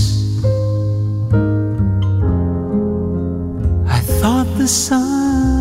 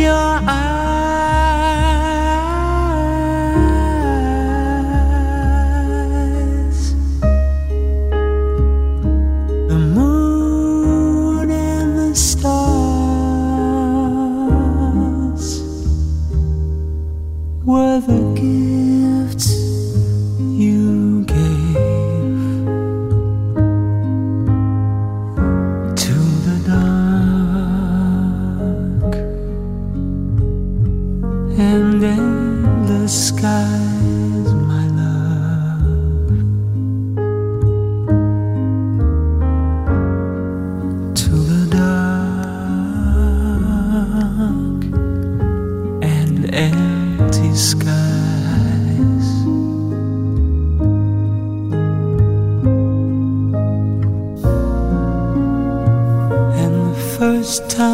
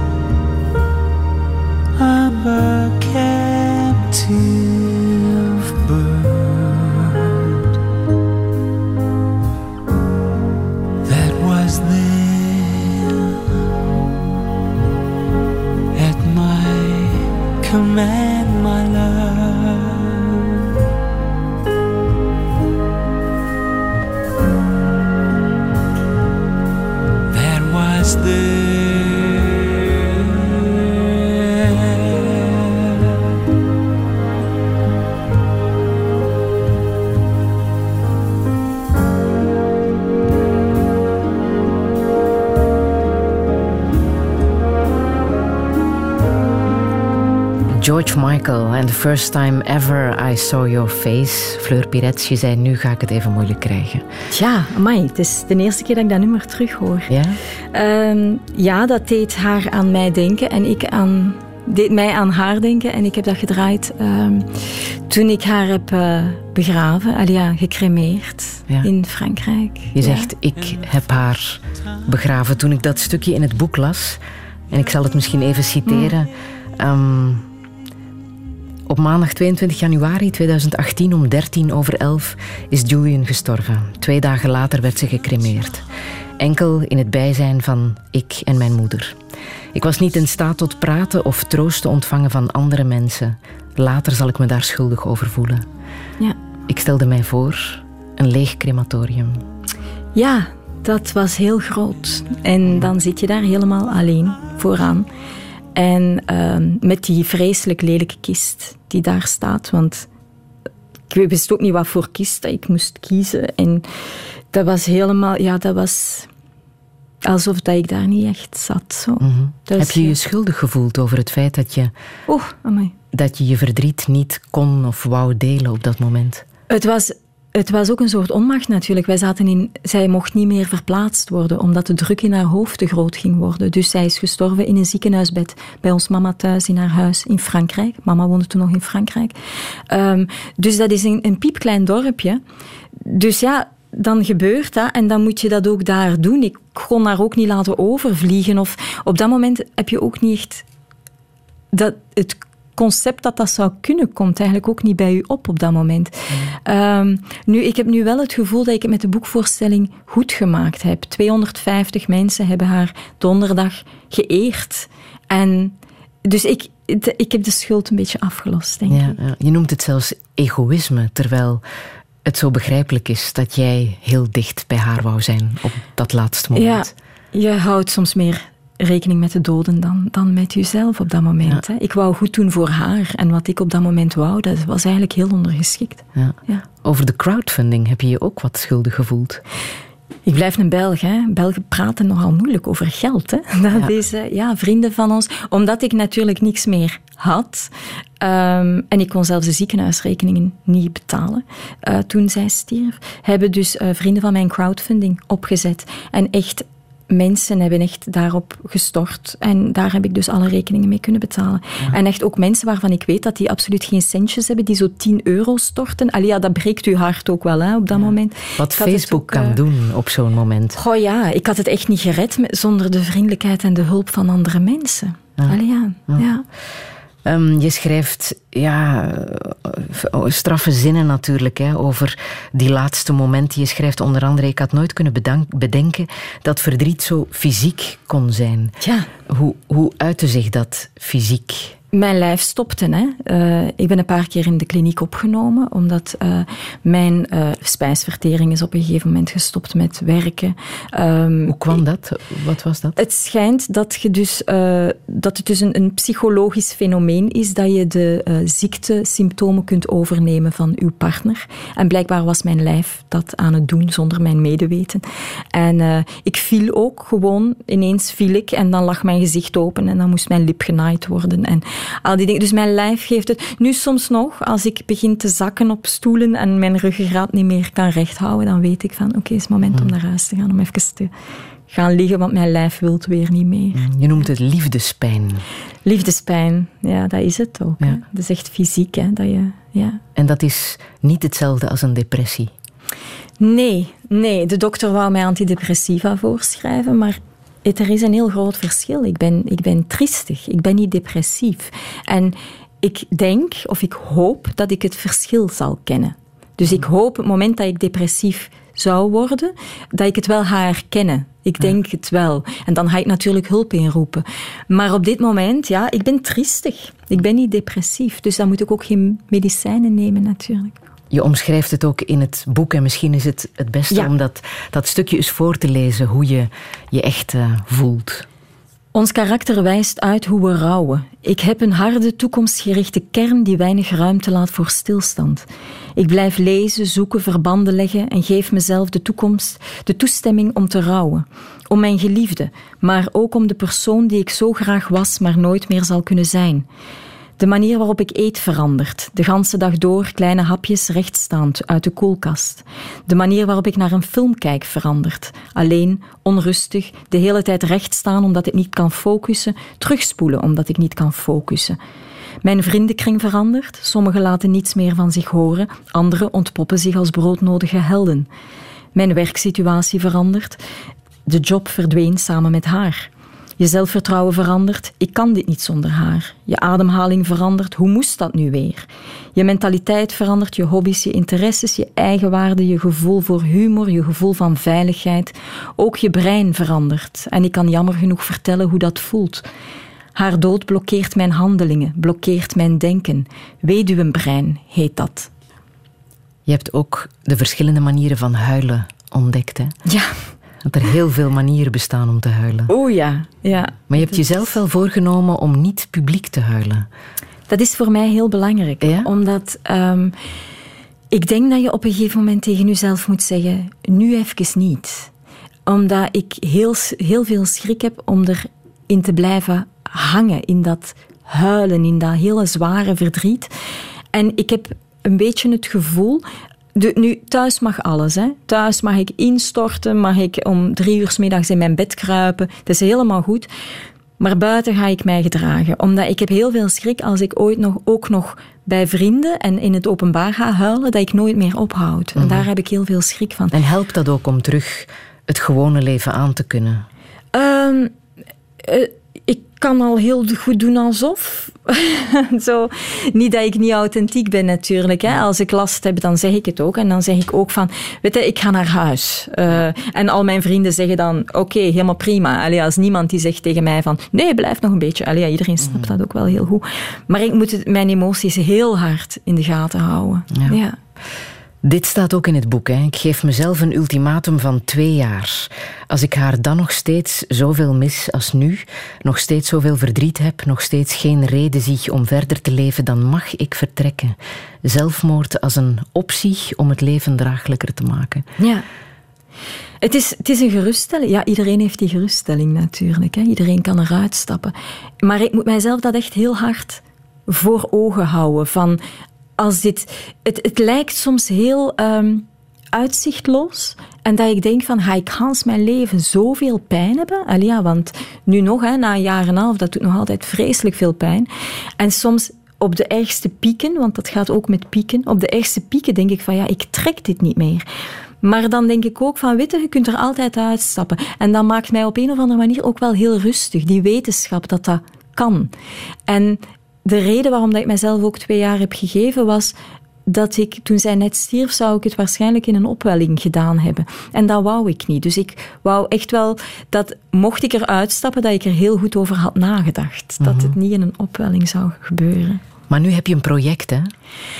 Ik heb heel veel projecten zelfs. Ja. Hè. Dat is, ehm, het blijft op een of andere manier op mijn pad komen. Ik ben net door het MoMA, al ja, net, hè, eh, een paar maanden geleden, door het MoMA in New York gevraagd of ik een kinderboek wou schrijven over twee vrouwen, Fleur en Julian, die dus gaan trouwen in alle landen waar het mag.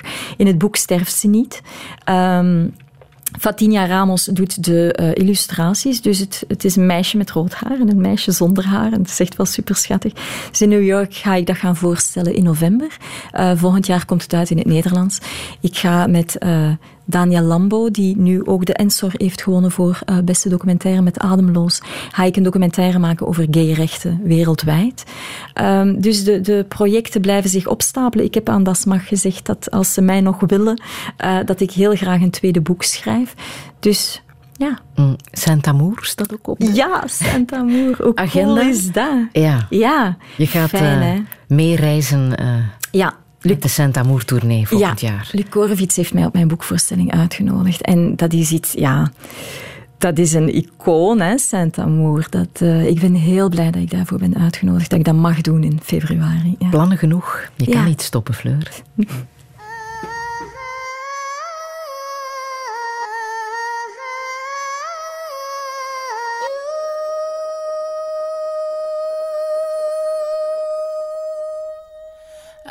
drinking, I've been drinking.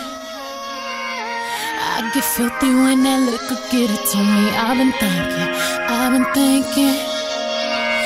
Why can't I keep my fingers off it, baby? I want you. Nah. Why can't I keep my fingers off baby? I want you.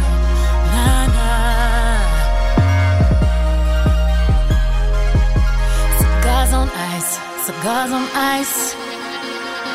Feeling like an animal with these cameras all in my grill. Flashing lights, flashing lights. You got me pity, pity, pity, baby. I want you.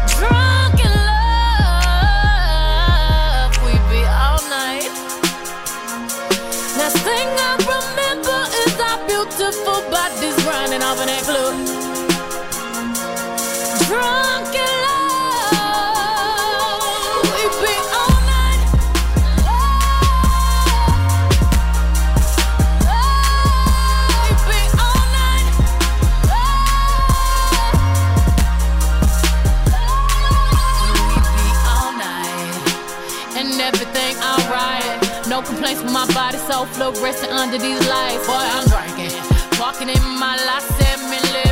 I'm rubbing on it, rub rubbing. If you scared,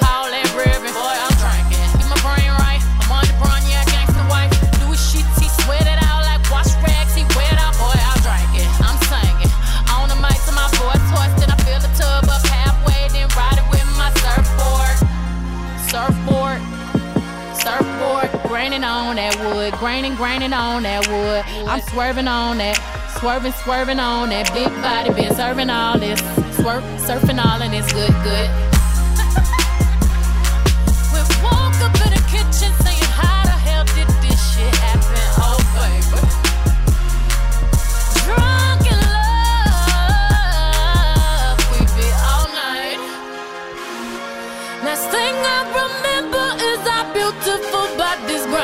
That club. Drunk in love, we be all night.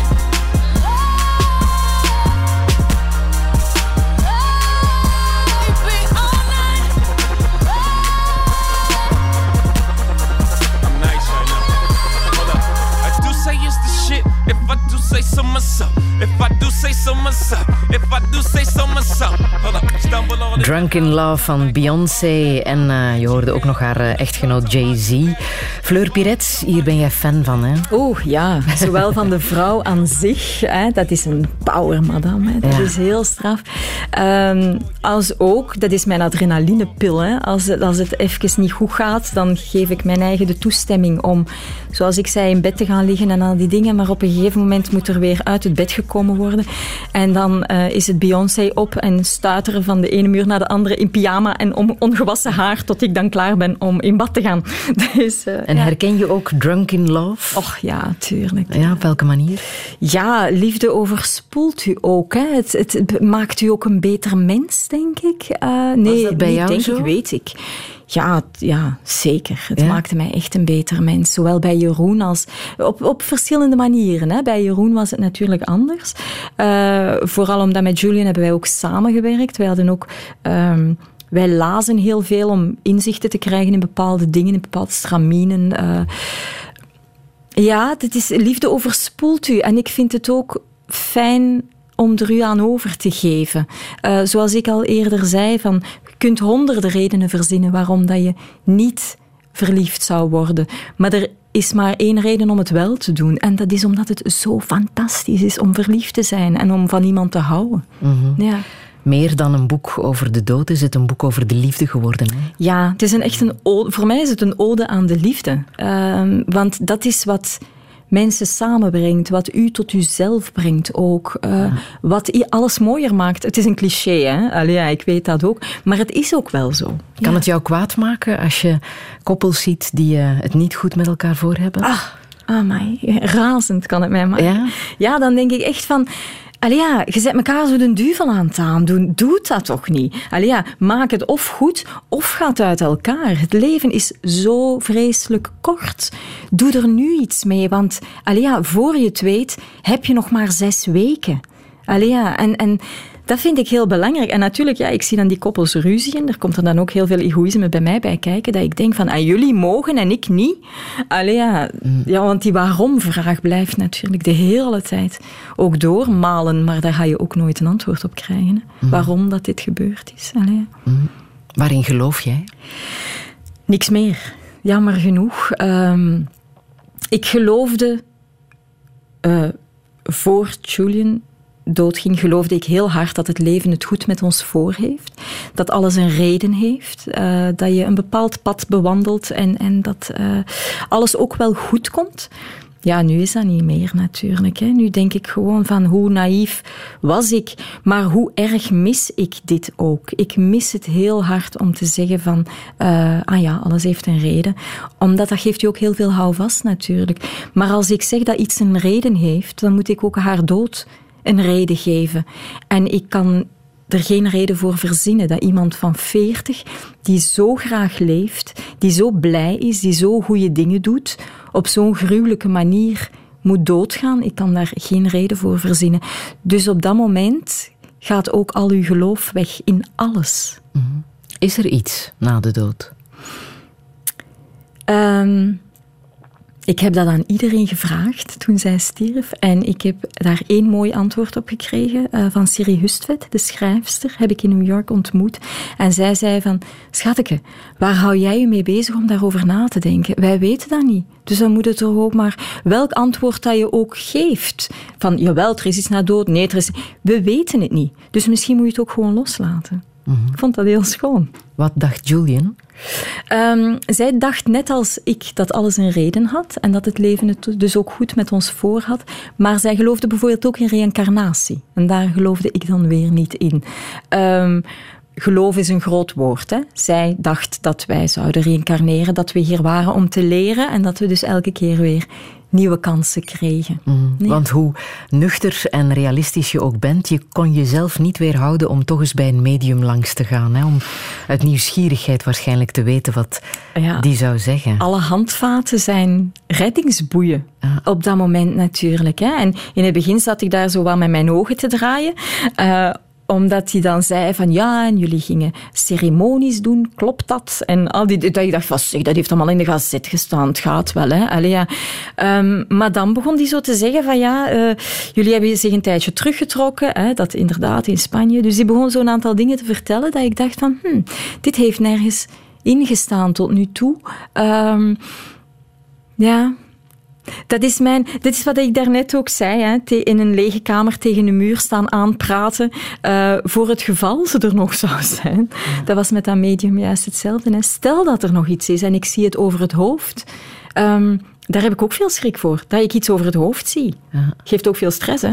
maar, ja. Is het er nog een beetje, want ik zie jouw armbandje. Ja, juweelontwerper Nico Taimans had mij eh, gevraagd of hij een eh, juweel mocht ontwerpen voor haar as in te houden. Dus dat is dit. Ehm, ja, ik leg er af en toe mijn hand op. Ik weet niet waarom. Ik denk het wel. Ja, ik kan er geen antwoord op geven. Nee. Huidhonger noemen ze dat ook, hè? Ja, ja, zo, Iets ja. tastbaars hebben Ja, om op terug te vallen. om op terug te vallen. En, en whatever works, hè. Ja. Ja. Ik weet nog dat ik... Ik heb een deel van haar as ook uitgestrooid. En ik... Het is misschien heel belachelijk om te zeggen nu, maar... Ik strooide dat uit en, en er bleef ook nog wat in die... In dat potje zitten. En dat ging aan mijn handen. En ik heb toen echt zo... Het is echt stom om te zeggen, maar ik heb toen echt zo mijn vingers afgelikt. Omdat ik dacht van, ik ben die al kwijt... En nu die as ook al. En wat doe ik met mijn handen? Ga ik nu mijn handen wassen? Dan gaat dat door de riolering. En dat was zo'n extreem, extreme paniek. En ik heb echt zo mijn vingers afgelikt, omdat ik dacht, ja, dan heb ik misschien toch nog iets van haar in mij. Allee, ja. je wordt echt zot hoor, als er iemand sterft. Allee, dat is... eh, ja. Maar ze is er toch nog in jou? In jouw herinnering, in jouw gedachten zal ze altijd blijven. hè? In mijn gedachten zal ze altijd blijven. En ook in het werk dat ik nu voortzet, zal ze... Zij heeft daar ook de kern van... Ja, dat is haar kern ook, hè. Ja. Dat is ook een troost. Hè? Dat is ook een troost, ja.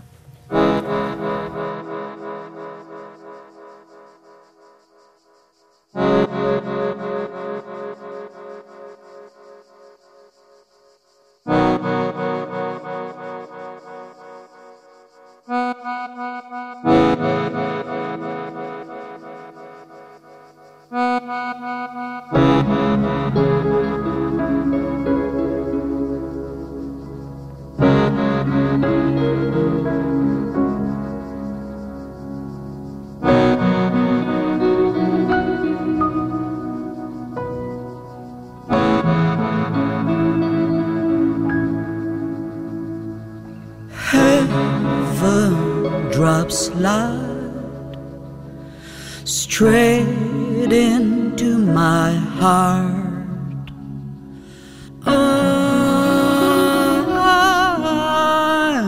I'm transformed since I saw you.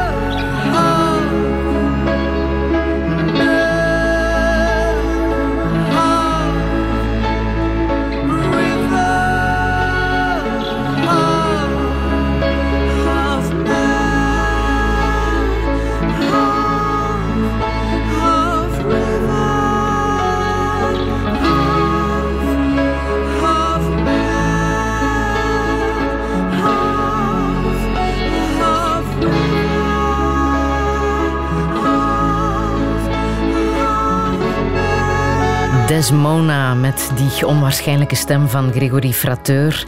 Een nummer uit eh, Book of Many, hun laatste cd Half River, Half Man. Fleur Pirets, je hebt hier een eh, bijzondere band mee, hè? Ja, goh, los van het feit dat Greg is een ubertalent. Ja, dat is een van de strafste zangers die ik ooit heb gehoord, denk ik. Ehm, en het fijne is, wij blijven elkaar ook de hele tijd tegenkomen. Eh, ik denk dat wij elkaar hebben leren kennen tien jaar geleden, zoiets. En toen eh, waren wij allebei ongelooflijke nummers. En wij sprongen van de ene bar naar de andere. En wij eindigden dan op, om vijf uur s ochtends in een karaokebar. Allee, ja, zo, dat soort eh, dingen. En... ehm, nu terug, de laatste keer dat ik hem gezien heb, waren we allebei curator van het Queer Arts Festival in Amsterdam. En dat is dan, dan klikt dat weer onwaarschijnlijk. Hij heeft gigantische smaak en, en onze, ja, onze levens verweven zich af en aan elkaar. En dat is fantastisch. Ja. Het is misschien een vreemde vraag om te stellen, maar ik zal ze ook aan jou stellen. Wat zou je echt nog willen in het leven? Oeh, dat is een hele moeilijke. Ja. Ehm, bedoel je eh, in, in de wereld, zoals wereldvrede? Zo. Zowel persoonlijk als, eh, als daarbuiten. Ik stel de vraag altijd en het is de eerste Ja. keer dat ik besef wat voor gewicht zo'n vraag Ja, ah, wel, maar ik moet zeggen dat ik daar heel hard over heb nagedacht, eh, omdat ik weet dat jij die vraag stelt. En nu overvalt ze mij helemaal opnieuw zo. Ehm, ik zelf op een persoonlijk vlak wil ik ehm, blijven werken. En ik hoop dat ik de luxe blijf hebben om dus eh, te informeren, te spreken, dingen te maken. Want natuurlijk, wat, voor wat ik doe, moet er naar mij geluisterd worden. Dus ik hoop dat mensen naar mij willen blijven luisteren en dat ik dat ook mag doen. Dat mensen het ook interessant genoeg vinden en dat ze dan ook hun verantwoordelijkheid gaan opnemen. En dat kan natuurlijk uitlopen tot een groter geheel van wat wil ik voor de wereld. Ja, dat mensen naar elkaar beginnen luisteren en dat ze merken van het is allemaal niet zo, allee ja, niet zo zwaar en niet zo negatief als we het op dit moment aan het maken zijn. Hoe zie jij jezelf oud worden? Ik heb daar heel veel schrik van natuurlijk. Hè. Ik, kom van een, eh, ik kom van een serie eh, vrouwen in mijn familie die allemaal in de negentig worden. Ehm, als ik dat ook mag, dan moet ik dubbel zo lang als ik hier nu leef al, nog zonder Julian verder. Het is een hele moeilijke gedachte. Ehm, ik vind het ook heel moeilijk om op dit moment in de toekomst te kijken. Ik heb wel al die projecten die nu aan het komen zijn. En toch geloof ik nooit dat ze gaan gebeuren. Het was zelfs zo erg dat toen mijn boek naar de drukker ging, dat ik dacht van, oh ja, maar de uitgeverij kan het nog altijd terugroepen omdat ze zich misschien hebben vergist. En dan was het boek er en toen dacht ik van, ja, maar het ligt nog altijd niet in de winkel, straks gaat er iets fout. Het is, dat is geen fijne mens hè, die dat de hele tijd denkt, dus ik, ik relativeer alles echt wel plat. Af en toe stuurt Saskia de Koster mij een mailtje. Niet alles plat relativeren, hè, om mij even eraan te herinneren dat ik dit op dit moment echt wel aan het doen ben. Ehm, het is misschien omdat ik zoveel ben kwijtgeraakt, dat ik mijn hoop niet meer op iets wil zetten. Dat alles kan afgenomen worden. Dus dat ik er misschien niet meer op wil hopen. Misschien is het dat. Dat ik denk van, we zullen wel zien. Ja. Je bent ook niet meer bang voor de dood, schreef Oh, je in je boek. Nee, absoluut niet. Het is heel. ehm, ik geloof nergens meer in. En er is één ding waar ik nog wel in geloof, en daar heb ik dus absoluut geen bewijs van en al die dingen. En dat is dat ik haar ga terugzien als ik doodga. Ik weet niet waar ik dat vandaan heb. Het is een soort buikgevoel, een soort intuïtie. Ehm, maar dat gegeven in combinatie met eh, geen schrik hebben voor de dood is natuurlijk een hele destructieve combinatie. Ehm, dus ik moet mijzelf af en toe daar wel eens van terugfluiten. Je leeft wel heel gezond, hè? Ja, maar dat is omdat ik mij dan omdat ik mij daar ook goed bij voel. Dus ik, ik drink niet omdat ik eh, focus wil houden. En ook natuurlijk, eh, alcohol maakt depressief. Ehm, suiker ook. Eh, dierlijke proteïne ook. Dus ik wil eh, geen enkele invloed in mijn leven toelaten dat mij mogelijk depressief zou maken. Dus ja, niet drinken, geen suiker, vegan. Ik probeer mij ook niet te omringen met eh, negatieve mensen. Ik ben daar heel waakzaam op. Omdat als ik een negatief verhaal van iemand hoor of iemand die echt heel negatief over de wereld is, dat kan echt zo twee dagen aan mij blijven plakken. Dat is heel zot. Mijn, mijn energie is heel gelimiteerd geworden ook sinds zij is gestorven. En ik moet heel waakzaam zijn hoe ik met die energie omga. Ja, daar ben je ook mee begonnen samen met haar, hè? het niet meer drinken Ja. en het eh, Ja, veganistisch eten. Ja, omdat ik merkte ook dat Hans, mijn focus is daardoor ook veranderd. Ehm, ik heb heel veel gedronken vroeger. Ik ben een ongelofelijke feester. Ehm, geweest. Eh, ik ben dat terug geworden, ook zonder, want ook zonder drank blijkt dat te lukken allee, ja, om eh, heel hard te feesten. Ehm, maar ik merkte dat ik met een ander soort focus naar mijn werk keek. De mist was, niet dat ik een alcoholieker was, hè, maar als je drinkt, ook al is het maar één glas wijn, dat haalt de scherpe randjes eraf. Dus je kijkt naar alles vanaf een soort waas of weet ik veel. Nu is alles 100% duidelijk. Soms is dat ondraaglijk ook, hè, dat alles 100% duidelijk is. Maar het zijn wel mijn scherpe randen en ik moet er wel mee verder. Het concept tijd is ook veranderd. Tijd loopt niet meer lineair als er zoiets gebeurt. Het is alsof dat, dat in een soort cirkel eh, gaat. En waar ik ehm, ja, eikpunten probeer te vinden. Eh, je probeert je vast te houden aan water. Je draait echt in, in rondjes en af en toe probeer je op een steen te gaan staan om, om een beetje ademruimte te hebben en te zeggen van oké, ik moet hier even reflecteren op wat er is gebeurd om nu te weten hoe het verder moet. Maar die stenen om op te gaan staan zijn heel ehm, miniem. Die zijn heel weinig en die zijn heel klein. En, en, eh, ja. en soms denk ik ook van, weet je, laat het allemaal los. Ga gewoon mee met dat water. En, en zie wel wat er gebeurt. Soms denk ik ook, erger dan dit kan het ook niet worden. Het kan altijd erger natuurlijk, dus ik zeg dat meestal niet luid op, want ik heb ook heel veel schrik dat het dan nog erger gaat worden. Maar... ehm, Welke boodschap wil je hier nog meegeven? Het klinkt heel cliché, deze boodschap, maar ik denk echt van, eh, doe het nu. Want morgen kan je horen dat je een hersentumor hebt. Allee ja, dus doe wat je nu moet doen en zie elkaar graag. Allee ja, vooral zie elkaar graag. Hou je niet bezig met te haten en, en kwaad te zijn op mensen en kwaad te zijn of racistisch te zijn of homofoob te zijn. Want uiteindelijk, als je doodgaat, hè, het enige wat je meeneemt is wie dat je graag gezien hebt. Dat is echt het enige. Zullen we Julie London nog laten horen met ja. eh, Fly Me to the Moon Ja. als afscheid?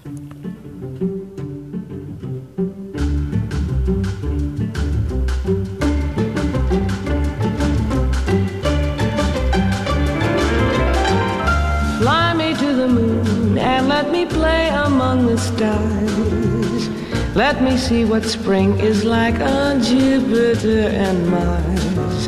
In other words, hold my hand. In other words, darling, kiss me. Fill my heart with song and let me sing forevermore. You are all I long for, all I worship and adore. In other words, please be true. In other words, I love you.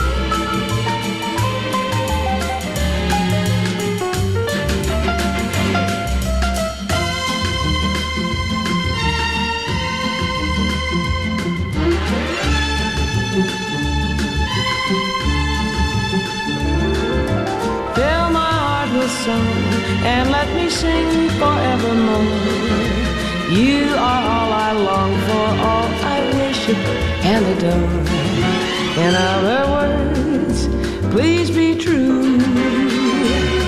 In other words, I love you.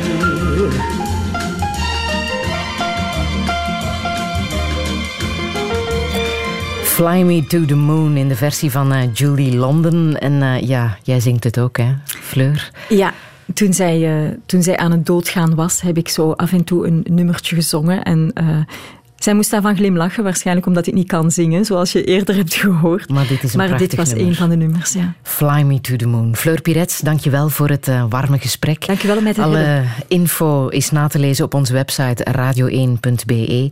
En volgende week op Autoloze Zondag ontvang ik hier de directeur van AB. En dat is Dirk de Klipleer. Een fijne zondag nog.